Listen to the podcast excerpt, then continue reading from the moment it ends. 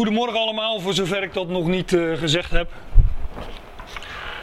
Draagt mijn stem ook tot degenen die verder zijn? Ja, Ja? Oké.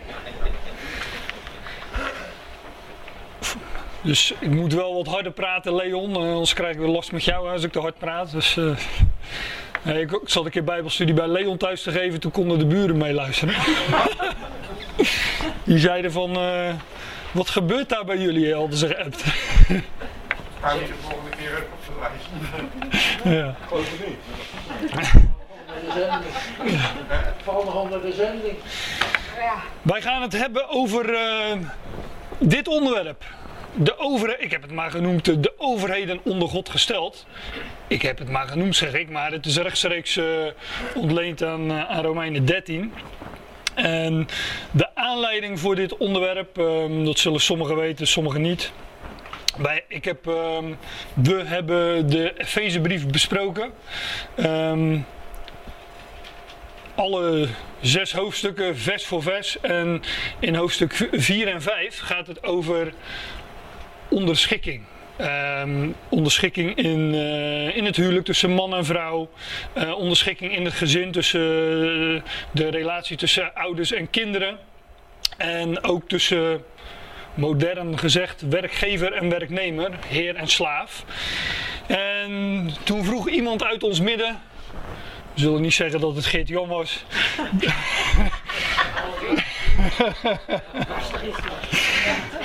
Die eh, Ge- Geert-Jan vroeg, hoe, hoe zit het dan met de overheden? Ehm, en eh, is dat dan, eh, de, als, het, als de schrift spreekt over onderschikking aan de overheden, of aan de overheid, is dat dan hetzelfde woord dat daar gebruikt wordt? Hè, dat was geloof ik kort gezegd jouw vraag. En, ik heb toen ook een heel kort antwoord gegeven, denk ik. Eh, wat ik me kan herinneren van ja, dat is hetzelfde woord. Eh, maar daar moeten we dan eh, eens wat uitgebreider eh, over hebben. En dat, dat gaan we dan ook doen deze keer.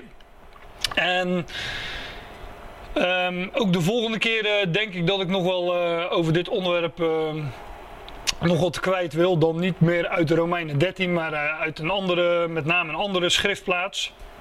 En ja, de, de, de titel, dat zei ik al, die is ontleend. Het thema is ontleend aan, eh, aan Romeinen 13. En ja, ik ben vooral de, laatste maanden toch wel regelmatig ook geconfronteerd met dit, eh, dit onderwerp. Ik heb er ook eh, wel eens wat eh, gesprekjes, eh, discussies over gehad. Ook eh, op een eh, medium zoals Facebook. Ehm, en ja, mensen hebben nogal eh, moeite met eh, het onderschikken aan de overheid. En ik zeg altijd, eh, ik, ben, ik ben begin 40 nu en ehm 43 om precies te zijn. En eigenlijk ongeveer vier decennia dat ik ehm, hier rondloop, hebben we eigenlijk weinig last gehad van de overheid. Ik, ehm, ik ken iemand wiens naam ik ook niet zal noemen. Die, eh, die zegt altijd van ja, we zijn altijd van die, het ook weer Daniel? Sal Salonchristenen geweest. We hebben het altijd heel makkelijk gehad. en ehm, ja, natuurlijk hebben we altijd wat te zaniken, want daar zijn we Nederlanders voor. Hè? We betalen altijd te veel belasting en eh, nou, daar gaan we het ook nog over hebben trouwens. En no- noem het allemaal maar op. Maar als je het even objectief bekijkt, dan hebben wij eigenlijk weinig te duchten gehad van de overheid. Enorme vrijheid gehad om, ehm, om ons geloof te beleiden, om bij elkaar te komen. Vrijheid van meningsuiting, die was echt heilig in dit land. Denk aan, aan de, ik noem maar een voorbeeld de moord op Theo van Gogh. Ja, dat was een schande dat die man verm- vermoord werd. Hij- vanuit het standpunt van degene die die beledigde, zei hij natuurlijk vreselijke dingen. Maar ja, dat moet gewoon kunnen in het land. Hè? Dat, was het, eh, dat was het idee. Nou, sinds, eh, sinds kort, ik denk zo iets, een jaar of iets meer, kun je absoluut niet meer zeggen wat je, wat je, wat je wil zeggen. In ieder geval. eh, Wisten we tot kort niet, wisten we alleen wat censuur was met, als, in, in landen als China. En nou ja, nu worden we er zelf ook dagelijks mee geconfronteerd. Tenminste, ik wel. En, dus, eh, en de overheid heeft steeds meer eh, inmenging, inbreng in, eh, in ons leven. Hè. Vrijheden worden beperkt. En ja, dat is natuurlijk allemaal ook voor, voor een goed doel. Maar ja, dat, dat, vrijheden worden altijd beperkt met een bepaald oogpunt van het is het beste voor jullie als. Dat, dat is het oogmerk van elk eh, totalitair regime, om het zo maar te zeggen. Er ligt altijd een eh, onderliggend doel eh, onder natuurlijk. Maar ja, we hebben daarmee te dealen. En de schrift zegt eh, dat eh, de overheid boven ons gesteld is. We gaan het straks ook lezen. En wat betekent dat dan? En, is dan, en dan heb ik een, een aantal vragen die we, die we daarin ook gaan beantwoorden. Is dan onderschikken hetzelfde als gehoorzamen? Het zijn in ieder geval twee verschillende woorden. Ehm, en eentje die ik ook wil beantwoorden, wat meer aan de zijlijn in een voetnoot, is eh, wat zijn die overheden eigenlijk? Want ik ben ook wel eens geconfronteerd met de gedachte dat het in Romeinen 13 dat die overheden de oudsten in de gemeente zouden zijn. En dat is natuurlijk heel wat anders dan het eh, plaatje dat, wat ik hier eh, ge- geprojecteerd heb. Dat embleem, dat logo van de Rijksoverheid. Nou, laten we maar gewoon eens gaan beginnen. En ik ga niet beginnen in Romeinen 13, maar in Romeinen 12. En voor degenen die de Romeinenbrief kennen, dit wat ik nu ga zeggen vind je in, eh, in elk handboek, in elk commentaar op de Romeinenbrief. In hoofdstuk 12 begint het praktische gedeelte van de Romeinenbrief. Paulus, het, het, ehm, de Romeinenbrief is kort gezegd, dat zegt Paulus ook in de eerste verse, een beschrijving van het evangelie van God. En Paulus zet dat uiteen in die eerste hoofdstukken. En dan zegt men, ja, die, eh, vanaf hoofdstuk 12 begint het praktische gedeelte. Ik zeg altijd van, nou ja, ik, eh, als Paulus het heeft over in nieuwheid van leven wandelen, doet hij dat al in hoofdstuk eh, 6. En wandel lijkt me toch echt iets heel erg praktisch. Dus ehm, ik wil die scheidslijn niet zo eh, scherp stellen. Maar het is wel zo dat, eh, dat het vanaf hoofdstuk 12. eh, ja, dat daar de praktische toepassing wel wat meer op de voorgrond komt. En Paulus zegt, ik roep jullie dan op, broeders, met een beroep op de barmhartigheden of ontfermingen van God. En dan vervolgt hij, maar hij, hij roept, hij zegt, ik roep jullie dan op. Ik moedig jullie aan, ik roep jullie op. Parakaleo is het woord voor, de, voor degene die, eh, bij wie dat eh, iets oproept van, hé, hey, dat woord ken ik. Maar Paulus eh, zegt, ik roep jullie dan op. En dat betekent dat hij dat doet met betrekking tot het voorgaande. En dan kan ik natuurlijk zeggen van eh, dat doet hij met betrekking tot de voorgaande elf hoofdstukken en eh, dan kan ik weer verder gaan. En dat is ook zo. Maar in hoofdstuk 11, daar komt zijn redenvoering over het evangelie van God tot een climax. En ehm, dan zegt hij dat God allen in of onder ongehoorzaamheid opgesloten heeft om zich over allen te ontfermen. En hij- dat gaat over Jood en Heiden. Eigenlijk kan ik het eh, samenvatten, dat doet Paulus ook in eh, 11 vers 36. Hij zegt, uit hem, door hem en tot hem zijn alle dingen. Het is eigenlijk het evangelie in één zin. Hij is de oorsprong van alles. Uit hem is, eh, hij is de schepper van alle dingen. Hij is de schepper van het heelal. Maar alles is ook door hem. Hè. Het bestaat door hem. In Colossense zegt Paulus, alle dingen bestaan tezamen door hem. Maar dus je zou kunnen zeggen, het, de oorsprong is uit hem, het bestaan is uit hem, maar ook de bestemming hè, is tot, tot hem. En tot hem zijn alle dingen. Nou, dit is echt een vers wat, wat, wat kort en krachtig zegt van ja, er is een God en die God heeft alles in zijn hand en die brengt alles daar waar hij het hebben wil. En alles op die weg werkt mee aan zijn doel. Dat zei Paulus over in Romeinen 8. Alles werkt mee ten goede voor degenen die hem lief hebben. En naar aanleiding hiervan zegt Paulus: Ik roep jullie dan op, broeders, met betrekking tot dit. wanneer we deze God kennen, erkennen en Hem mogen kennen. Ik roep jullie dan op, broeders, met een beroep op de barmhartigheden van God, dat jullie je lichamen presenteren als een levend, heilig en welgevallig offer aan God. Jullie lichaam te, aan te bieden, ter beschikking te stellen. Para betekent, is, eh, een voorzetsel erbij en dit is uh, is stellen of plaatsen en vandaar presenteren. Of ter beschikking stellen. Alleen je lichaam ter beschikking stellen, dat heeft bij ons een wat andere klank.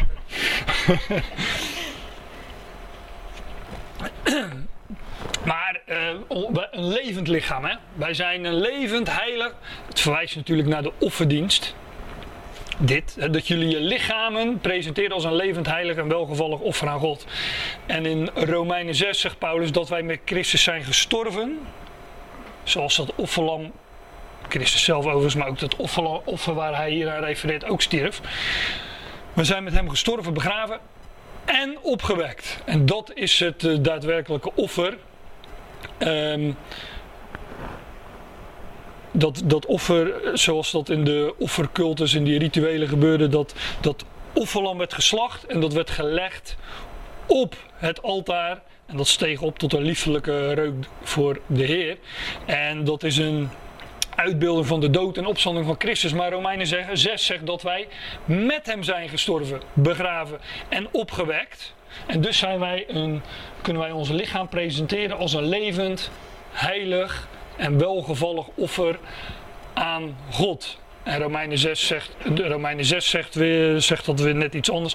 Opdat wij, hè, wij zijn met hem opgewekt, opdat wij in nieuwheid van leven, een nieuw leven, zouden wandelen. En Paulus zegt, ja, dat, dat, uh, dat is jullie logische dienst. Logisch in verband met het voorgaande. Er is een God en uit hem, tot hem, uit hem, door hem en tot hem zijn alle dingen. Nou, als je dat weet, als je dat beseft, zegt Paulus, nou roep ik jullie op, broeders, enzovoorts, jullie lichamen te presenteren, te stellen als een levend, heilig en gode welgevallig offer. Dat is jullie logische, dit, is, dit, woord, dit woord logische heeft nog met het woord te maken, de logos. Dit is jullie logische dienst. En wordt niet gevormd naar deze aion. We hebben het in de Efezebrief over de aionen gehad. En we, leven momenteel in een boze aion waarin de boze regeert. Een aion is een tijdperk. De meeste vertalingen hebben hier zoiets als wereld, maar dat staat er niet. Er staat aion, een tijdperk, wordt niet gevormd naar deze aion, deze boze aion, waarin de, boos, de boze, de god van deze aion regeert.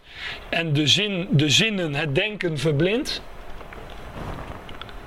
Dus vandaar dat, um, dat deze wereld in duisternis is. Hè. In, uh, Efeze, in de Efezebrief wordt het ook de wereldkrachten van de duisternis genoemd. Dat was Efeze 6, dus ik, misschien dat het nog vrij vers in ons geheugen ligt.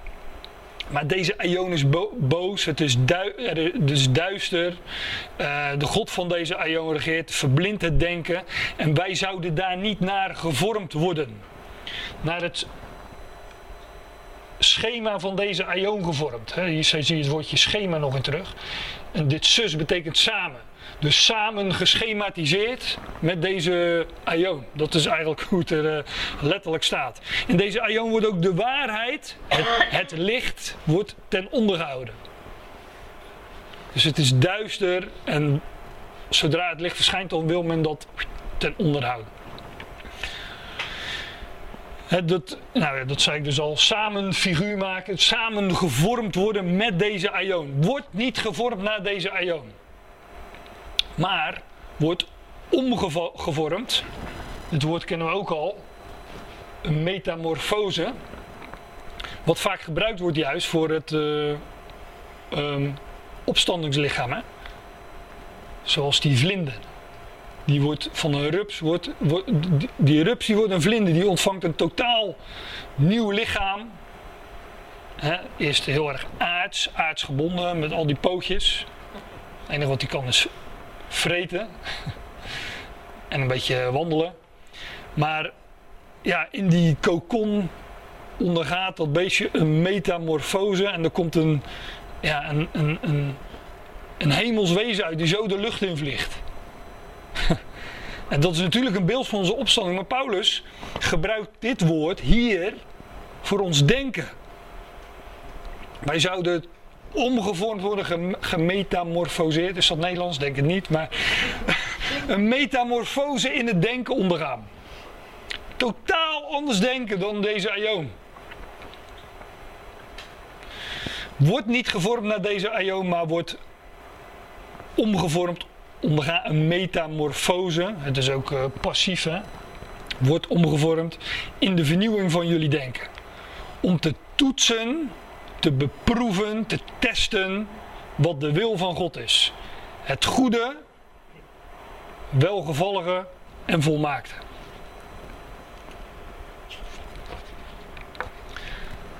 En alles wat nu gaat volgen.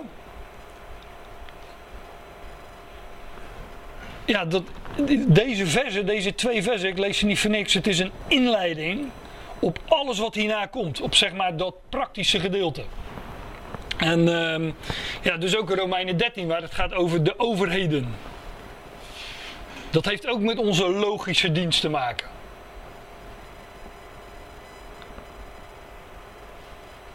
dat heeft ook te maken met niet gevormd worden naar deze aion, maar omgevormd worden in de vernieuwing van het denken.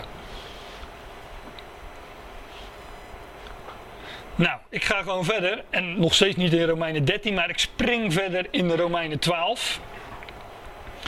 Um, ehm, naar vers 17.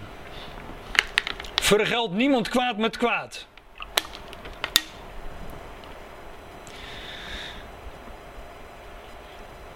Het is zo menselijk om kwaad met kwaad te vergelden. Maar vergeld niemand kwaad met kwaad. Heb het goede in, ja, voor je in beeld van alle mensen. deze vertaling is wat lastig, dat zie, dat zie je trouwens ook in de interlineair. Voorzieningen treffende idealen voor het oog van alle mensen. Nou, probeer daar maar uh, chocola van te maken, om het zo te zeggen. Dat, uh, dat is lastig. Maar dit, dit woord, dat zie je, de, de, het heeft met voor, pro, en uh, de nomos, hè, metanoia, ook paranoia, dat heeft met het denken te maken. Maar dit is pronoia. En dat heeft met uh, je, ja, voordenken, maar je beeldvormen, ja. Dat is uh, denk ik een goed woord. Ja, voorzieningen treffen, ja, dat is... De Statenvertaling heeft zoiets bezorgd hetgeen eerlijk is voor alle mensen. Nou, wat dat dan is... uh, maar het, het, het, het goede in beeld hebben, hoe zei je dat ook weer, Linne? De beeldvorming hebben van het goede voor alle mensen. Want ja, hier heeft men de interlineair voor het oog, maar eigenlijk is het. Het heeft met, met de blik, met, met, uh, met het zicht, dus ook in beeld. Daar heeft het mee te maken. Dus vandaar heb het, ja, daar heb ik het iets, uh, iets wat vrij vertaald. Heb het goede in beeld van alle mensen. Op het, heb het goede voor je in beeld van alle mensen. Vorm je een beeld van het goede voor alle mensen. Nou ja, mag ik thuis vanmiddag eh, verder op puzzelen hoe we dat nou eens het beste zouden kunnen weergeven. Positief. Ja, positief denken voor alle mensen. positief denken heeft ook weer zo'n uh, aparte bijklank. Maar het gaat, het gaat over alle mensen. En Paulus had het in Romeinen 5, maar ook in andere brieven heeft hij, had hij het al eerder over alle mensen. Romeinen 3 vers 3 eh, en 24, ik doe het even uit mijn hoofd. Allen hebben gezondigd, allen hebben gezondigd en derven de heerlijkheid Gods. En worden om niet gerechtvaardigd in zijn genade. Dat is Romeinen 3. Romeinen 5, uh, eh, vers 18. Ja, daar zegt uh, Paulus dat uh, door de misstap van één veroordeling is gekomen tot alle mensen. Alzo komt ook door één rechtvaardige daad worden. Nou, hoe staat het? Dat is altijd gevaarlijk als je denkt van ja, dat, dat doe ik wel uit mijn hoofd. Zoals dan, zo dan, dat staat de vertaling dit, zo dan gelijk door één misdaad de schuld gekomen is over alle mensen tot veroordeling, alzo ook door één rechtvaardigheid of één rechtvaardige daad komt de genade over alle mensen tot rechtvaardigmaking des levens. Of 1 Timotheüs 4 vers 10. Wij hebben onze hoop gevestigd op de levende God die redder is van alle mensen. Kijk, wij kunnen het goede in beeld hebben van alle mensen, omdat wij weten dat God het goede in beeld heeft van alle mensen. God is de redder, de rechtvaardiger, de levendmaker, de. vergeet ik er nog een? De verzoener van alle mensen. Nog verder dan alle mensen, maar hier gaat het even over alle mensen. Dus daar, God heeft het goede in beeld van alle mensen. Dus ja, wij zouden navolgers van God zijn. Dus wij kunnen ook het goede in beeld hebben van alle mensen. En vandaar hoeven wij mensen ook, als ze ons kwaad doen, hoeven we ze niet met kwaad te vergelden. We kunnen dan. We kunnen dat beantwoorden met het goede, maar daar, komen we zo. Vergeld niemand kwaad met kwaad, heb het goede in beeld van alle mensen. Leef voor zover het voor jullie afhangt, afhangt in vrede met alle mensen. Ja, dat kan, want God heeft vrede met alle mensen. En niet alle mensen met God, dat weet ik ook wel. En ook niet alle mensen met ons waarschijnlijk. Maar da- daarom staat het, het staat hier ook voor zover het voor jullie afhangt.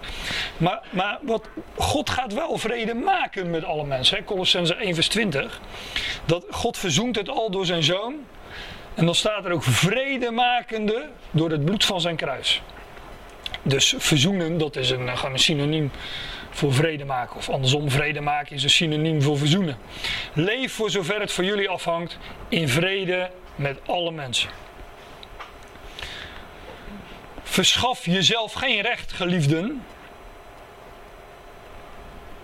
Ja, wij hoeven dus eh, onszelf geen recht te verschaffen. Eigen recht te spelen, noemt, eh, noemen we dat. Verschaf jezelf geen recht, geliefden. Dus hier wordt tegen, ik, ik benadruk het even, want ik kom er straks nog op terug in Romeinen 13. Hier wordt tegen gelovigen gezegd dat zij zichzelf geen recht zouden verschaffen. Verschaf jezelf geen recht, geliefden. In de Statenvertaling en de NBG, die hebben hier wreken. Dat heeft bij ons een eh, wat andere eh, bijklank. Ik wil wraak. Maar wreken is ten diepste is, het, is dat eh, de dingen recht zetten, recht verschaffen. Verschaf jezelf geen recht, geliefde. Vreet, uzelf niet beminden, zegt de Statenvertaling, geloof ik. Maar ik- dat woord heb ik eens opgezocht. In, eh, in, in eh, Lucas 18 bijvoorbeeld, vers 3 en 5, komt dit woord ook voor. En daar heeft de MBG dan gaan recht doen, of recht verschaffen. Dus men weet wel dat wreken hetzelfde is als recht doen of recht verschaffen. De dingen recht zetten. Maar geef plaats aan de toorn. Ja, als je, als je de neiging hebt om jezelf wel recht te verschaffen, dan ben je dus boos. Hè? Dus dan is de toorn in het spel. Dan wil je de dingen. Ja, daar hebben we ook woorden. Dan wil je je gram halen. Dan, maar dan wil je in ieder geval jezelf eh, recht. Het, iemand betaald zetten. Dan wil je in ieder geval iemand. Dan wil je recht. Dan, wil- je dingen recht zetten. Paulus zegt: geef, geef plaats aan de toorn. Want er staat geschreven: aan mij is de rechtverschaffing. Ik zal het betaald zetten. Terugbetalen, zegt de Heer. Ik zal vergelden. Dus wij kunnen de ding, wij, wij, wij, hoeven ons geen recht te verschaffen, omdat wij weten dat er een God is die alles recht gaat zetten. Dus Hij gaat recht verschaffen. Dus daarom kunnen wij, als wij eh, boos zijn, toornig zijn, als wij vinden dat we ons recht zouden moeten eh, verschaffen, dan, kunnen wij dat plaats geven. Zo van, er is een plaatser, hè, God, de Theos, het Griekse woord, plaatser, de beschikker. Er is een beschikker, er is een God. Hij gaat de dingen rechtzetten. Hij zal recht verschaffen. Ik zal terugbetalen, zegt de Heer. Dat is overigens een citaat uit Deut Deuteronomium 32, vers 35. Dit zeg ik even voor de fijnproevers. Dat zijn jullie allemaal natuurlijk. Maar als je daar opzoekt, dit Hebreeuwse woord voor wreken, uh, voor, ja, voor rechtsverschaffing, dat is afgeleid van, van het Hebreeuwse woord shalom. Zoek het maar op. Dit, dit woord wat in Deuteronomium 32 gebruikt wordt, wat, wat Paulus hier aanhaalt, dat schriftgedeelte, het Hebreeuwse woord is afgeleid van shalom. Want als God recht verschaft, dan doet hij dat ook, dan, dan maakt hij ook vrede. Dan maakt hij shalom. Het is niet zo dat hij het maar ja, dat is natuurlijk ons rechtssysteem. Wij denken van ja, als iemand dat gedaan heeft, dan moet dat er tegenover staan, hè, die, die weegschaal, en dan, uh, dan is dat ongeveer uh, geregeld. Ja, dat, dat is natuurlijk altijd heel beperkt. Ik bedoel, als je een geliefde van je vermoord is en iemand krijgt daar uh, 10, 20, 30 of levens, levenslang voor, voor mijn part de doodstraf. Ja, dat, dan is het recht nog steeds niet hersteld. In de zuivere zin van het woord. Want je hebt daarmee je geliefde niet terug. Dus menselijkerwijs gesproken is dat, dat recht verschaffen sowieso altijd maar beperkt. Dus laten we. Dus nog een reden om dat aan hem over te laten. En dat plaats te geven. En het, uh, want, want hij zal echt de dingen rechtzetten. In het geval dat jouw vijand honger heeft, geef hem te eten. In het geval dat hij dorst heeft, geef hem te drinken. Want wanneer jij dat doet, dit doet, zal je gloeiende kolen van vuur op zijn hoofd stapelen. Het idee is natuurlijk, die gloeiende kolen op je hoofd, daar kun je niet mee blijven rondlopen. Als je je vijand die honger heeft te eten geeft, ja, dan kan die die vijandschap niet handhaven. En uh, nou ja, met dorst is dat natuurlijk hetzelfde. Je geeft hem te drinken, ja. ja. Probeer dan maar eens vijandig te blijven. Nou, dat is, dan vindt er dus verzoening plaats. En dat, is, dat gaat God ook doen. Die gaat van al die vijanden gaat die, uh, liefhebbers en vrienden maken. Ja, dit is overigens weer een, uh, een citaat uh, of een aanhaling aan Spreuken 25. Laat je niet overwinnen door het kwade.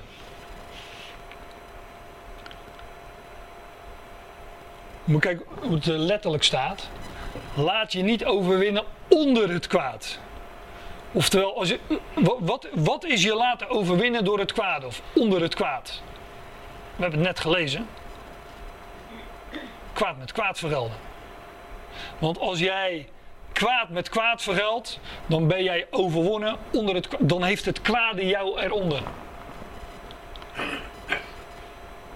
Laat je niet overwinnen onder, onder of door het kwade, maar overwin het kwade in het goede.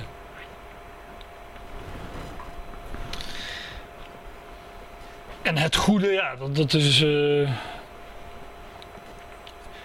ook niet met het goede als, als antwoord van nou iemand heeft mij kwaad gedaan, nu, uh, nu pak ik even mijn gereedschapje het goede erbij. Nee, gewoon in het goede. heb, nou wat is het goed? Nou heb het goede in beeld van alle mensen zoals God dat ook in beeld heeft.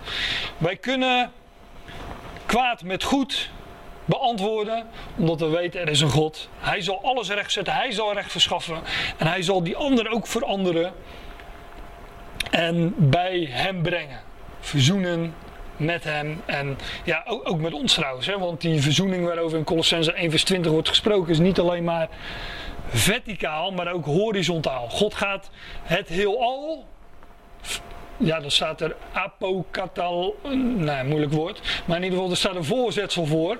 Wat betekent helemaal af verzoenen alle kanten op verzoenen van mij part, zowel verticaal als horizontaal. Dat is een iets ander woord dan Paulus op, in andere schriftplaatsen gebruikt. Alles wordt afverzoend, dan is het helemaal klaar, verzoend.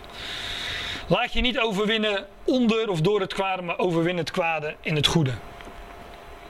En dan komen we dus in Romeinen 13. Maar, ja, die hoofdstukindeling, dat, dat zeg ik ook vaak, hè, is ontzettend handig maar soms ook een beetje onhandig. Want het is niet zo dat we nu in een, uh, in een nieuw hoofdstuk komen dat Paulus nu opeens een heel ander onderwerp gaat bespreken. Het is gewoon een doorgaande lijn in zijn betoog, in wat hij naar voren wil brengen. Dan staat er: laat elke ziel zich onderschikken aan de superieure autoriteiten. En dit, uh, dit woord superieur zijnde betekent zoiets als uh, hyper is uh, boven of over, over hebben of over zijn. Laat, elk, la, laat elke ziel zich onderschikken aan de, wat hoe staat er in de Statenvertaling, aan de machten over haar gesteld. En ik zei net dat, dat er, een, uh, er zijn geloven die zeggen: ja, maar hier gaat het niet over de wereld, uh, wereldlijke overheden, maar over de oudsten in de gemeente. Nou, dit is al één zo'n uh, reden waarom dat niet zo kan zijn. Laat elke ziel zich onderschikken aan de overheden, aan de superieure autoriteiten. Dus dit, dit is gewoon een, een, een universele waarheid die niets met niet specifiek met de gemeente te maken heeft. Laat elke ziel, alle ziel. Ja, dit woord dus uh, over plus hebben en vandaar uh, superieur. Overigens het woord overheid, dat, dat heeft het ook in zich, hè, dat het er boven staat. En een overheid heeft onderdanen. Die staan onder de overheid en de overheid staat daar over of boven. Ik ga wel wat van die woordjes wat nader bekijken. En, uh, er zullen wellicht mensen zijn die dat wat te technisch vinden. Maar die woordopbouw zegt gewoon vaak heel veel over wat die woorden betekenen. Dat maakt zoveel duidelijk, uh, vind ik. Laat elke ziel zich onderschikken aan de superieur zijnde de overheden die boven hem staan. Zegt de MBG geeft dat op die manier weer. Onderschikken. Ja, dan moeten we natuurlijk weten wat onderschikken is. De NBG heeft onderwerpen. Eronder zetten, eronder plaatsen, eronder schikken. Laat haar onderschikken. Dat is uh, wat, wat het letterlijk is. Maar dat heeft dus met uh, onderzetten te maken. Net als uh, die onderzetters, die staan onder een pan. ja. Maar dat is dus uh, uh, onderschikking. Dat heeft met positie te maken. Een positie ehm, eronder, ja, valt eigenlijk niet zo heel veel uit te leggen, maar we doen het toch maar gewoon. Maar dat is dus onderschikken. Je positie erkennen dat de ander boven je staat. Dat is uh, onderschikking. Laat elke ziel zich onderschikken aan de superieure autoriteiten. Oh ja, ja dat, dat moet ik erbij zeggen. Um, kijk, over het algemeen houdt onderschikken natuurlijk ook in dat je gehoorzaamt. Als de ander boven je staat, dan is het meest gangbare, het meest logische, dat je ook gehoor geeft aan wat uh, die ander zegt. Maar dat is niet altijd zo. En uh, ik kom daar straks, uh, als, de, als ik daar tijd genoeg voor heb, nog wel op terug en anders volgende keer. Maar we vinden daar ook voorbeelden van, van in de schrift.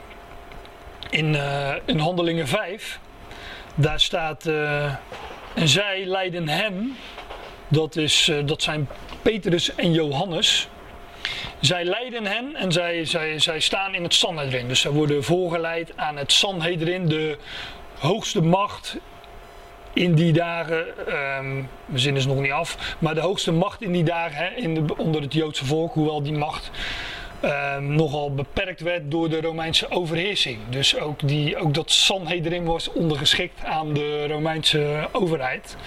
Zij mochten bijvoorbeeld niet zelf uh, een doodstraf uitvoeren. Hè. Dat weten we ook uit uh, de geschiedenis met, met de Heer Jezus natuurlijk.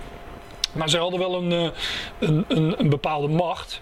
En de hoge priester, Die wordt ook wel eens overpriester genoemd, hè? overheid, overpriester. En de hoge priester stelt hen een vraag. En hij zegt: Geven wij niet met een opdracht aan jullie de opdracht? Dat zal als een Hebreïsme zijn, maar een nadrukkelijke opdracht. Niet in deze naam te onderwijzen. Petrus en Johannes die eh, onderwezen in de naam van, uh, van de Heer Jezus natuurlijk.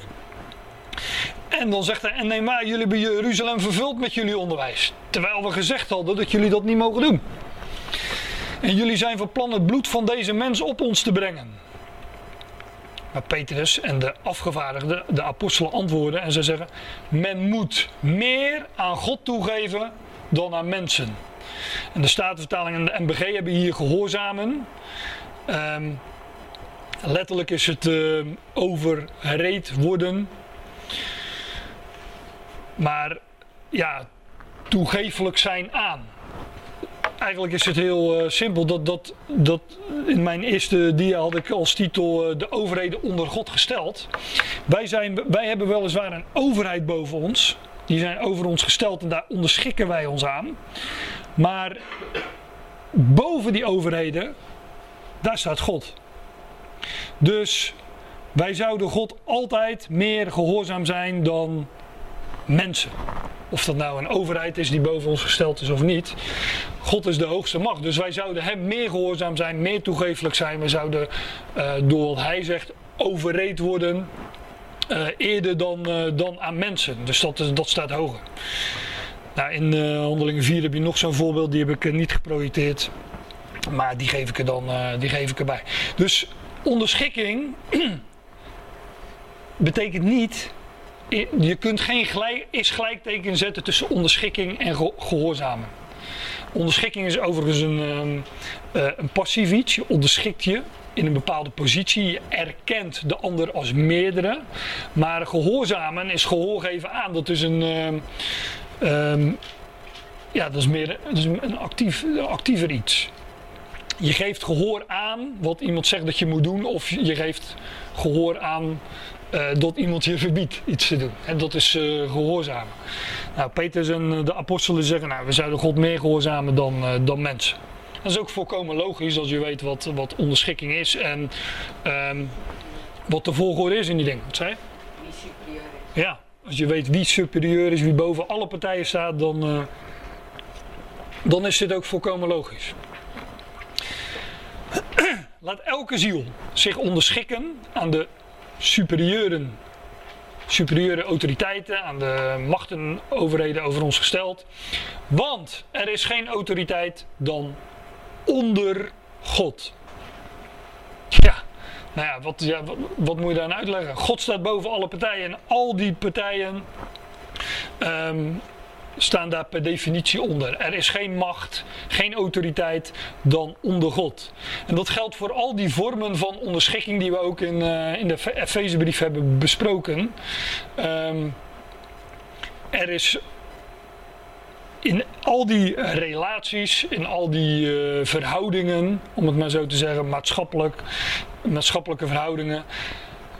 We onderschikken ons maar we onderschikken ons het meest en gehoorzamen het meest aan God. En wanneer die twee wringen, ja, dan is de keuze duidelijk. Dan, eh, dan, dan, dan gehoorzamen we God. Want er is geen macht dan onder God en die er zijn, zijn onder God gezet. Ja, dat zie je niet zo goed, maar dit, uh, dit woord zetten, dat heeft ook, ook weer met plaatsen te maken.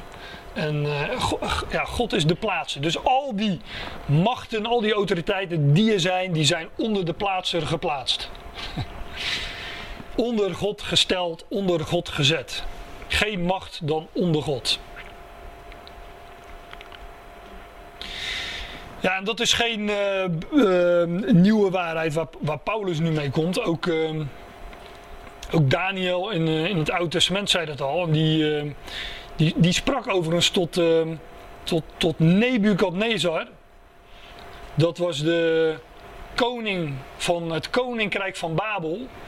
Een, een, een geweldig wereldrijk waar alle koninkrijken van de aarde aan uh, onderworpen waren. Hm? Een, uh, een Poetin of een uh, Biden is er tegenwoordig. Hè? Die zijn daar echt helemaal niets bij. De hele wereld, alle koninkrijken van de aarde waren aan deze man uh, onderworpen.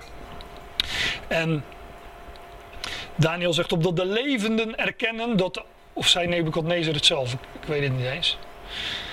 Nou, dat zoeken we op. Opdat de levenden erkennen dat de Allerhoogste heerser is over het koninkrijk van stervelingen. En dat geeft aan wie hij wil. Daarover zelfs de laagste onder de stervelingen aanstelt. Nou, dit vind ik ook altijd wel humor, want ik denk ook altijd van ja, dat is wel zo, ja. ja, als ik de verkiezingsuitslag zie, dan denk ik ook van. Uh, of, uh, nou ja, ik noemde net. Uh, wat andere heersers. Maar ja, het zijn allemaal baasjes, maar ja, als ze een trap op moeten, dan, dan struikelen ze drie keer. ja, dus die, uh, die, die staan ook niet zo, zo vast. Maar ze zijn onder God gezet en uh, God, zet, God zet daar neer wie jij wil, zelfs de laagste onder de stervelingen. En Nebukadnezar die heeft gras gevreten als een beest hè, en over de grond gekropen. Dus die, die wist daar alles van. Dus ik, het is ook wel humor toch van God dat hij het zo doet. Laten we zo naar die dingen kijken. het is allemaal niet zo heel, allemaal niet zo serieus nemen. Heb je humor uitgevonden? ja, daarom. Ja, kijk, als het gaat over de, dat is in de toekomst in Psalm 2, dan, dan, dan zullen alle naties zich verzamelen en te strijden trekken tegen, tegen, tegen, tegen dat, dat volk. Dan, dan, Psalm 2, dat speelt zich af in de tijd dat de Messias, dat Christus op de troon zit in Jeruzalem. Dan, dan is hij koning daar. En dan gaan alle naties denken van ja, wij willen niet dat deze koning over ons is. Dus we, we verzamelen ons, de Verenigde Naties verzamelen zich. En dan staat, ja, die in de hemel woont, die lacht erom. Van ja, wat, wat woede die natie nou en bedenken ze ijdelheid. En, en, uh, in de profetieën staat hij ook dat hij, dat hij die legers verdoen zal door, de, door het, volgens mij door de adem of het zwaard van zijn mond. Gewoon door te spreken, meer niet. Nou, dus die, ja, dat, dat, dat, dat relativeert de boel toch wel. Ehm, en, en hier gaat het over die machten, die overheden waar we ja, toch wel last van kunnen hebben. Ze zijn allemaal onder God gesteld. Er is geen autoriteit onder God. En die zijn zijn onder God gezet. En hij zet daarover wie hij wil. De laagste onder de mensen. Wie zich dus tegen een autoriteit verzet, heeft Gods mandaat weerstaan. God is de plaatser, hij heeft die overheden daar neergezet. En uh, ja, dit woord mandaat, hè, de, ze, ze, zij hebben daar een plekje gekregen totdat, uh, totdat hij ook zegt het is genoeg. En uh, dit woord uh, ja, mandaat is een beetje een instelling, hè, zegt de MBG. Het is, het is gedelegeerde macht. Dat, dat is het eigenlijk. God heeft die overheden daar neergezet. En wie zich dus tegen een autoriteit verzet, heeft Gods mandaat weerstaan. Die overheden, die zullen. God zal recht verschaffen, dus die overheden zullen ook um, verantwoording afleggen. Maar niet aan ons, maar aan Hem. Want die overheden zijn onder God gezet, onder Hem gesteld. En die hoeven dus, ja, dat, dat democratie is natuurlijk dat, het, uh, dat, de, dat de overheid verantwoording aflegt aan het volk.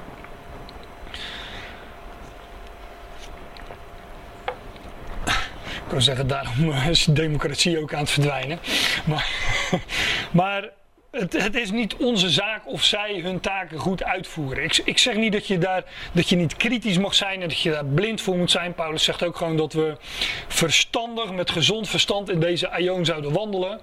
En kritisch zijn is. Uh, is prima. En, en, kritisch zijn is ook niet hetzelfde als klagen. Kritisch zijn is gewoon dat je de dingen scherp ziet en dat je ze benoemt. Um, maar um, ja, die overheid is aan ons geen verantwoording schuldig. Die is onder God gezet, onder God gesteld. En ze zullen, hij zal recht verschaffen. Dus um, geef plaats aan die toorn. Wie zich dus tegen een autoriteit verzet, dat hoeven we dus niet te doen, heeft Gods mandaat weerstaan.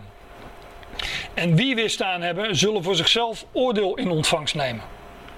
Ja, van die overheid namelijk. Daar gaat het in het vervolg ook over. Het is niet zo dat. Uh,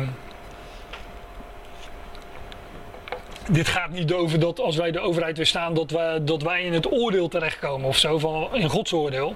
Maar dit gaat, dit gaat erover dat wanneer wij de overheid weerstaan, dat, ja, dan, dan zal de overheid uh, die zal uh, oordelen. Nou ja, dat doen ze soms met harde hand, heb ik gezien. maar daar kennen we inmiddels uh, voorbeelden van. Want de oversten zijn geen vrees voor het goede werk, maar voor het kwade.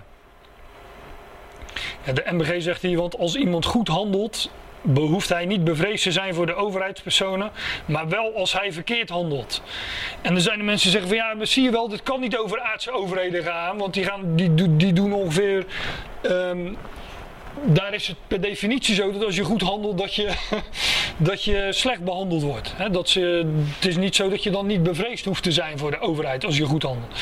Maar dat goede hier is, is gewoon in het verband je onderschikken aan de overheid. En het kwade is je niet onderschikken. Daar gaat het over. Wij hoeven hier niet zelf te gaan bepalen wat is goed en wat is kwaad. Goed is onderschikken. Overheden zijn onder God gesteld. Wij onderschikken ons aan die overheid. En um, ja, dat is ook het goede in deze vers. Want de oversten zijn geen vrees voor het goede werk. Hè, wanneer je je onderschikt, dan heb je in principe weinig te duchten van die overheid. Ook daar zijn natuurlijk uitzonderingen op. Maar um, wel als, hij, uh, als je verkeerd handelt. De oversten zijn geen vrees voor het goede werk, maar voor het kwade. Goed is onderschikken, kwaad is weerstaan. Dat staat, dat staat uh, met een verwijzing naar de vorige versen. Wil jij niet vrezen voor de autoriteit? Doe het goede en jij zal lof van haar hebben. Onderschik je en je zal lof van haar hebben.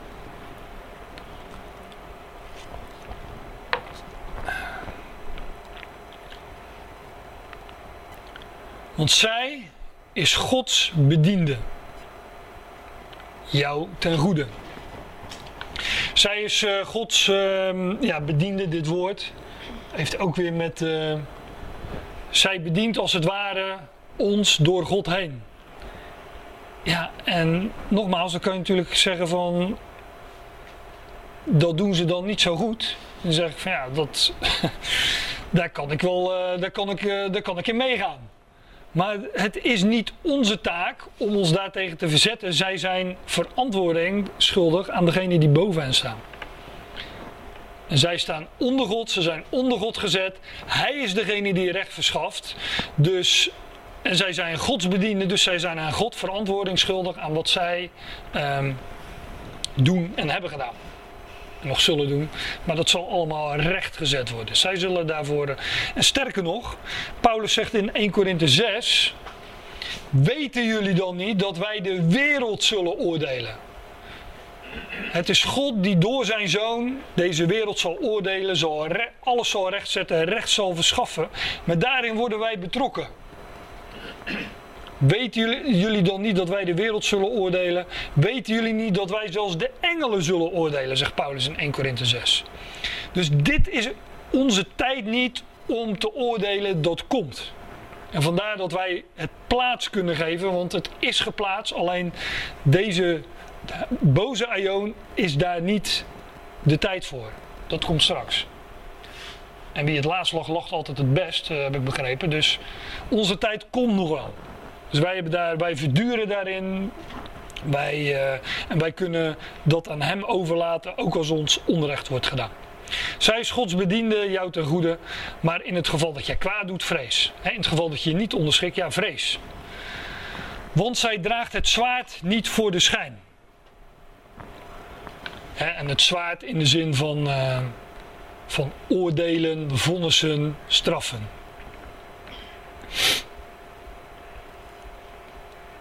Want zij is Gods bediende, een recht verschaffen tot toorn tegen hem die kwaad verricht.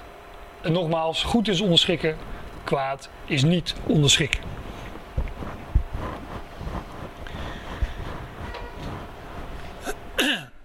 Dus aan de overheid is, is het zwaard gegeven, is oordeel gegeven. En dat, uh, ja, je leest dat in de, in de kiem al in, eh, in, Genesis, eh, Genesis eh, 9 is dat, meen ik.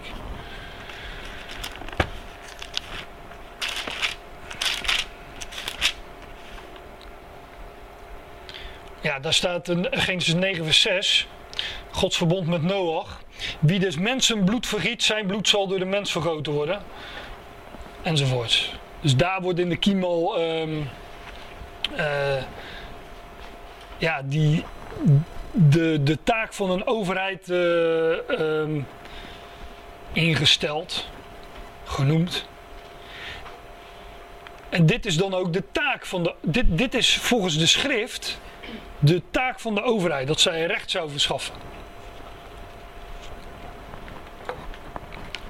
Ja, nogmaals, dan kan je, dan je natuurlijk zeggen van ja, dat, dat, uh, dat laten ze dan na. Dan uh, zeg ik ja, dat, uh, dat is vaak zo, ja, maar dat is niet aan ons om daartoe in verzet te komen of om dat recht te zetten. Ja, dat is wel aan ons, maar niet nu. We gaan dat met hem in de toekomst werkelijk recht zetten. Zij is Gods bediende een recht verschaffen tot toorn. En hier um, wordt, wordt natuurlijk gerefereerd aan, aan hoofdstuk 12. Waar staat, verschaf jezelf geen recht. Dit hebben we net gelezen. Verschaf jezelf, geen, verschaf jezelf geen recht, geliefden.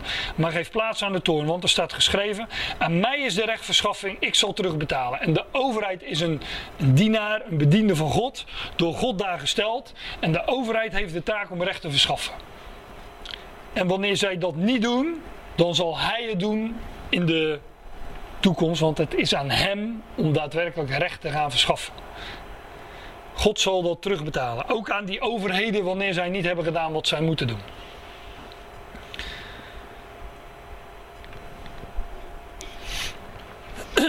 Ja, de taak, de taak van de overheid, volgens de schrift, is dus recht verschaffen, recht doen, richten. Dat zijn natuurlijk drie begrippen voor hetzelfde. Zij dragen daarvoor het zwaard. Of ze zetten je achter de tralies, of ze weet ik veel. Uh, uh, ze zetten je aan tot geweld? Ja, nou, ik kom er zo op. Kijk, wat. De, de, dit, dit is de primaire taak van een overheid. En als je dan gaat nadenken over, wat, over onze overheden, wat zij allemaal bedenken, dat vooral, vooral de laatste tijd, dat ze op microniveau zich mengen in de levens van hun onderdanen en vertellen wat ze wel en niet mogen doen. Ja, als ik schrift lees, is dat geen taak van de overheid. Dus dat, um, dat, dat, dat is macht die zij zich onrechtmatig hebben toegeëigend. Ik kan geen schriftplaats in de schrift vinden waar, waar staat dat een overheid zich alles zou kunnen toe-eigenen wat ze zich. Uh, wat ze, en dat wij dan uh, zouden moeten. Uh, dat onze houding dan daarvan absolute gehoorzaamheid zou zijn. Hè? Zo van bevel is bevel. Dat is natuurlijk een beetje. Dat, dat ligt een beetje gevoelig om te zeggen bevel is bevel. Vooral, als je het in du Duits zegt tegenwoordig. Want die vergelijkingen mag je niet maken, maar dat is het natuurlijk wel. Je hebt al een nodig. Ja. Duitsland is dat zo. Maar da, dat is dus, dat zou je kunnen zeggen, ook vanuit schrift, dat is een, een, een, de, de, de macht die zij zich onrechtmatig uh, toe-eigenen. Ik kom er zo nog even, ik, ga ik, ga, ik, ik, wil er straks nog wat verder op ingaan, maar ik wil eerst uh, even verder lezen. Daarom is het noodzaak zich te onderschikken, niet alleen vanwege de toorn, maar ook vanwege het geweten. En geweten, dat is een woord dat sun, nog wat, samen weten. Sun, zus, zug is altijd samen. Samen weten, wij, zou, wij hebben een geweten, een samenweten met God. Want wij zouden toetsen wat de wil van God is, hè? het goede, het wel, welgevallige en het volmaakte, zegt 12 vers 2. Dat hebben we net gelezen. Daarom is het noodzaak zich te onderschikken, niet alleen vanwege de toorn, maar ook vanwege het geweten. En je kunt je onderschikken, dat Petrus en Johannes erkenden het Sanhedrin als de macht die boven hun stond. Alleen ze zeiden van ja, we kunnen jullie niet gehoorzamen, want we moeten God meer gehoorzamen dan mensen.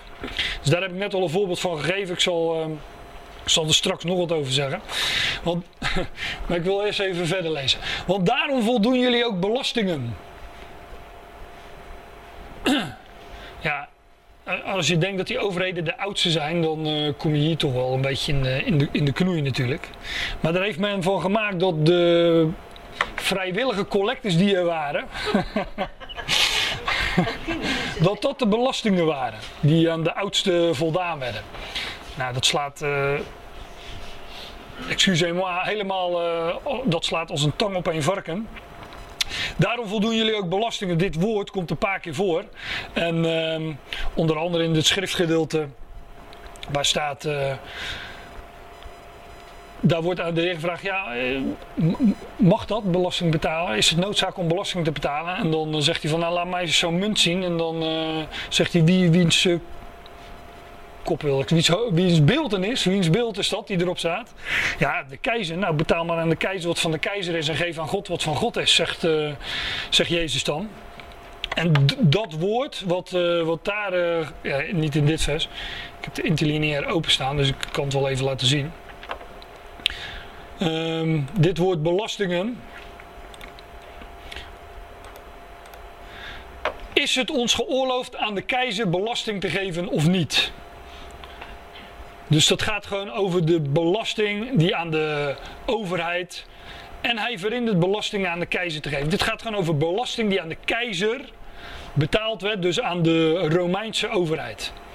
En datzelfde woord wordt hier in ehm, Romeinen 13 gebruikt. Want daarom voldoen jullie ook belastingen. Je moet wel. ehm, dan moet je wel heel erg aan dat begrip gaan draaien om daar een vrijwillige, van verplichte belastingen, vrijwillige collecte van te maken. Maar ik, ik lees nog even verder. Want zij zijn dienstverrichters van God die juist op dit punt volharden. En ze laten heel veel dingen na, de overheden, maar de bel- belasting innen, dat, eh, dat, dat, eh, dat, dat lukt meestal wel. en ehm, dan gaat het nog verder. Betaal aan allen de verschuldigde dingen. Aan wie belasting, belasting. Aan wie tol, tol. Aan wie vrees, vrees. Hè, ontzag. Aan wie eer, eer. Dus geef gewoon aan alles wat ze verschuldigd zijn. Als ze boven je staan, geef ze die eer. Onderschik je daaraan. Dat is wat, eh, wat Paulus zegt. Geef het belast, betaal gewoon netjes je belasting. Als je door de tolpoort moet, betaal de tol. Moest je bij vroeger in de gemeente eerst langs de oudste om tol te betalen dan of zo. Ja, ik vind het zo'n bizarre redenering dat men hier die van die overheden oudste heeft gemaakt. En eh, in dit vers komt het wel heel erg eh, naar voren dat het echt een volstrekt belachelijk, eh, belachelijke uitleg is. Maar dat zijn mijn woorden. Betaal aan allen de verschuldigde dingen aan wie belasting, belasting, aan wie tol, tol, aan wie vrees, vrees en aan wie eer, eer. Tot hier eh, Romeinen 13. En nou, ik heb nog een paar minuten, dus nu gaan we, wil ik, ik wil nog een, eh, een kleine excursie maken over ja, altijd gehoorzaam. Want ik, ik hoor natuurlijk al wat, eh, ik zie al wat blikken van jullie van. "Ah." En, eh,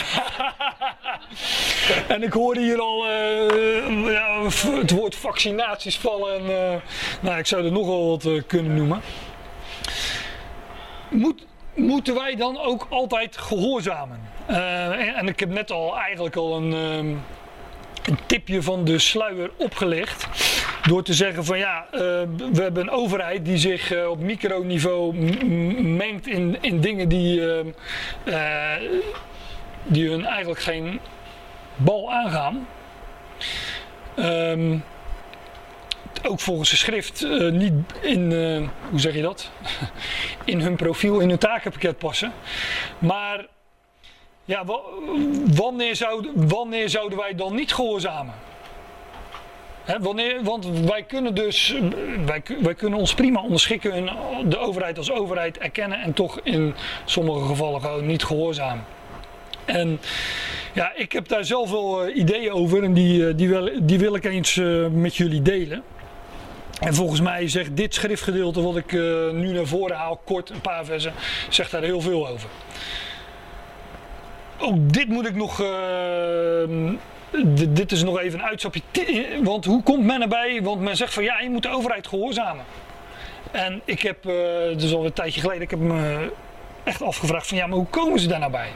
Nou, in, eh, in dit schriftgedeelte staat ongeveer hetzelfde als Romeinen 13. Dan zegt Paulus tegen Titus: herinner hen eraan zich aan de overheden en autoriteiten te onderschikken, toe te geven en tot elk goed werk gereed te zijn. Maar hier heeft de Statenvertaling en de MBG. Herinner hen eraan zich aan de overheden en autoriteiten te onderschikken of, en te gehoorzamen. Gehoorzaam te zijn. En dat staat er niet. Het staat er, uh, ja, ik heb dat woord hebben we het net over gehad, toe te geven. Um, en dat is meer toegeeflijk te zijn. Hè? Dat, is, dat, dat heeft dus echt wel met schikken te maken, dat toegeeflijk zijn. Dan ben je toegeeflijk. Maar wanneer de overheid je iets uh, opdraagt ja, waaraan je niet kunt gehoorzamen, dan kun je nog steeds onderschikken, maar toch niet gehoorzaam zijn. Dus ik denk dat dat we moeten gehoorzaam zijn aan de overheid, dat dat hier vandaan uh, komt. In Marcus zegt een, een van de schriftgeleerden, die uh, komt tot Jezus en staat er aan een van de schriftgeleerden hoort dat zij met hem discussiëren. En hij nam waar dat hij hen op goede wijze antwoordde. En hij komt naar hem toe en hij stelt hem een vraag. Welk voorschrift is het eerste van allen?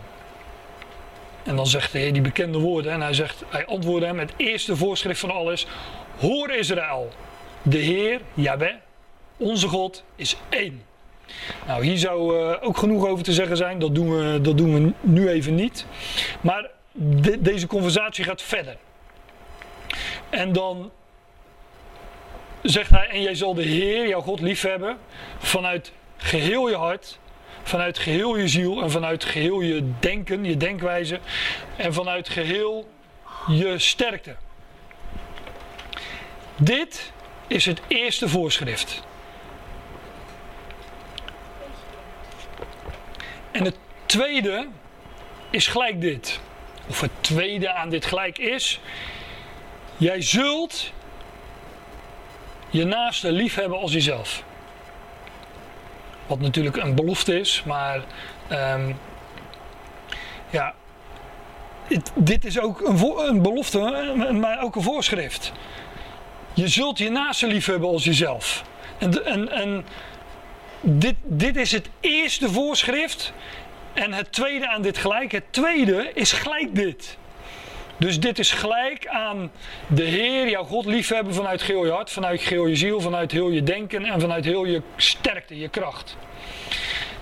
En dit is sterk hoor, wat hier gezegd Het tweede aan dit gelijk is, je zult je naaste liefhebben als jezelf. En de, onze naaste is in de eerste plaats Christus daar gaat ten diepste ook die, die gelijkenis over de barmhartige Samaritaan over. Maar hij is onze naaste. Wij zijn één lichaam met hem. Naaster kan niet. Dichter, je kunt niet meer met iemand verbonden zijn dan wanneer je één lichaam met iemand bent. En vandaar, hij is in de eerste plaats onze naaste met een hoofdletter. Maar dat maakt ook meteen dat wij elkaars naasten zijn. Wij zijn één lichaam in Christus. Wij zijn onlosmakelijk met elkaar verbonden. En wij zijn, ja, we zijn één lichaam.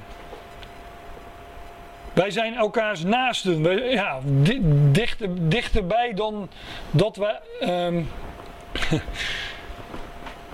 wij staan dichter tot elkaar dan een, dan een bloedband ons zou geven. Eén lichaam zijn met elkaar. In de geest. En zo en, en, en dat dit voorschrift is zo sterk dat uh, het, het, is gelijk dat eerste voorschrift. Je zult je naaste lief hebben als jezelf. Nou, als een overheid dan tegen jou zegt dat je je naaste niet mag bezoeken. Dat je behoeftigen niet zou mogen bezoeken. Dat je op afstand moet blijven van die ander. Dat je, nou ja, noem het allemaal maar op. Je bedenk het maar. Dan heb ik zoiets van ja, ik ga er geen gehoor aan geven. Want hoe vaak roept de schrift ons niet op om elkaar op te zoeken, om elkaar aan te moedigen, om elkaar te attenderen, om elkaar uh, ja, lief, te hebben. Maar wij, wij, wij, wij, wij zijn één lichaam, dus wij leven in gemeenschap met elkaar. Hoezo zouden we elkaar dan niet kunnen opzoeken? We zijn onlosmakelijk met elkaar verbonden. Dat, ik, ja, dat hou je niet tegen. Dat is hoe ik er tegenaan kijk. En ik weet dat daar eh, anders over gedacht wordt eh, hier en daar. um, En ook als het ehm, een ander voorschrift groter dan dit is er niet. En ook als het gaat over de beschikking van je eigen lichaam. Ja, heeft de overheid de beschikking over jouw lichaam? Waar lees ik dat in de schrift? Echt, echt nergens. Dus als men mij ehm, wil pushen of dwingen tot bepaalde zaken die ik niet wil, ja, dan geef ik daar geen gehoor aan. Of ehm, als het gaat om je kinderen. Heeft de overheid de beschikking over jouw kinderen? Nou ja, volgens de schrift ben ik eh, het hoofd van het gezin, ben ik de vader. En eh, vallen ze onder mijn verantwoordelijkheid. Dus als men daar bepaalde opdrachten of eh, verboden in geeft, ja, eh, en ik kan er geen gehoor aan geven, geef ik daar geen gehoor aan. En ik probeer dit een beetje algemeen te zeggen, omdat ik niet alles op eh, microniveau ehm, ehm, wil voorschotelen. Want dat, dat is ook iets wat, waarvan de schrift ook ehm, in een ander verband zegt, ja, en ieder zijn in zijn eigen denken en zijn eigen geweten ten volle verzekerd. Nou, ik ben hier dus ten volle verzekerd van op deze manier dat dat eh, eh, als mijn naaste, als, jullie zijn mijn naaste, wij zijn één lichaam met elkaar. En als de overheid dan zegt van ja, dan moet je op afstand blijven, je mag elkaar niet aanraken. Eh, ja, ik, ik, lach erom en ja, sorry, ik kan er geen gehoor aan geven. Nou, is niet sorry, maar. En daarmee zeg ik niet dat ik me niet onderschik aan de overheid. Het is onze overheid. Ik, ik, ik, ik, ik, erken ze ook als onze overheid. Maar in deze kan ik daar geen gehoor aan geven. En ehm, wij zouden ook niet eh, recht praten wat krom is. Hè? De, de, er worden ons dingen opgelegd, of in ieder geval aangepraat, die. eh, men heeft het over social distancing. Nou, dat, dat, zijn allemaal van die leugenachtige termen, als je het mij vraagt. Distancing is niet social. En wij zijn één lichaam met elkaar. En ehm, ik geef jullie ehm, inderdaad die hand van de gemeenschap. En ehm, kus de zoon, dus kus elkaar. eh, dat is ook Psalm 2 geloof ik, kus de zoon. Eh, kussen heeft met verzoenen te maken. Wij zijn verzoend met elkaar en met God. En eh, daar leven wij uit. En ehm, ja, aan dat soort dingen, daar, ehm, daar eh, geef ik dus in deze geen, geen gehoor aan. Maar dat betekent niet dat ik me niet onderschik aan een, aan een overheid. En ja, en ieder moet voor zichzelf bepalen hoe, hoe, hij, daar, hoe hij daarin staat. En ehm, ja, dus ik, ik begin ook wat te hakkelen, dat merken jullie. Maar ik vind het wat lastig om, deze dingen, om over deze dingen te spreken. Omdat, ehm, ja, weet je, ik, ik hoef te- we hoeven dat niet van A tot Z aan elkaar eh, voor te kouwen. Alleen ik probeer het wat, wat algemeen te houden. Maar dat wordt toch wat lastig als mensen voorbeelden gaan geven. En je hebt zelf natuurlijk ook al die voorbeelden in je hoofd. Dus, eh, nou, ik hoop dat ik me eh, een beetje duidelijk heb kunnen maken hoe ik er in ieder geval in sta. En eh, Ja, wat de schrift ook zegt, daar gaat het om. ja, ja, en dat, dat heb ik naar voren gebracht. En eh, ja, nogmaals, dit, dit is echt heel sterk wat hier staat. Dit, dit kan je niet zomaar terzijde schuiven. Hè? Dat, eh, een, een ander voorschrift groter dan dit is er niet. En dit is gelijk aan het eerste voorschrift. Als je God lief hebt, dan heb je je naaste lief. En nou ja, degene die het meest naast staat is Christus, maar meteen, ja, we zijn één lichaam. Asociaal gedrag niet toegestaan, inderdaad. Nou ja, een jaar geleden was ehm, wat nu abnormaal en asociaal is, was, was een jaar geleden, nou, iets meer dan een jaar geleden, volstrekt normaal, zelfs gewenst gedrag. Ja, wilden ze dat is-.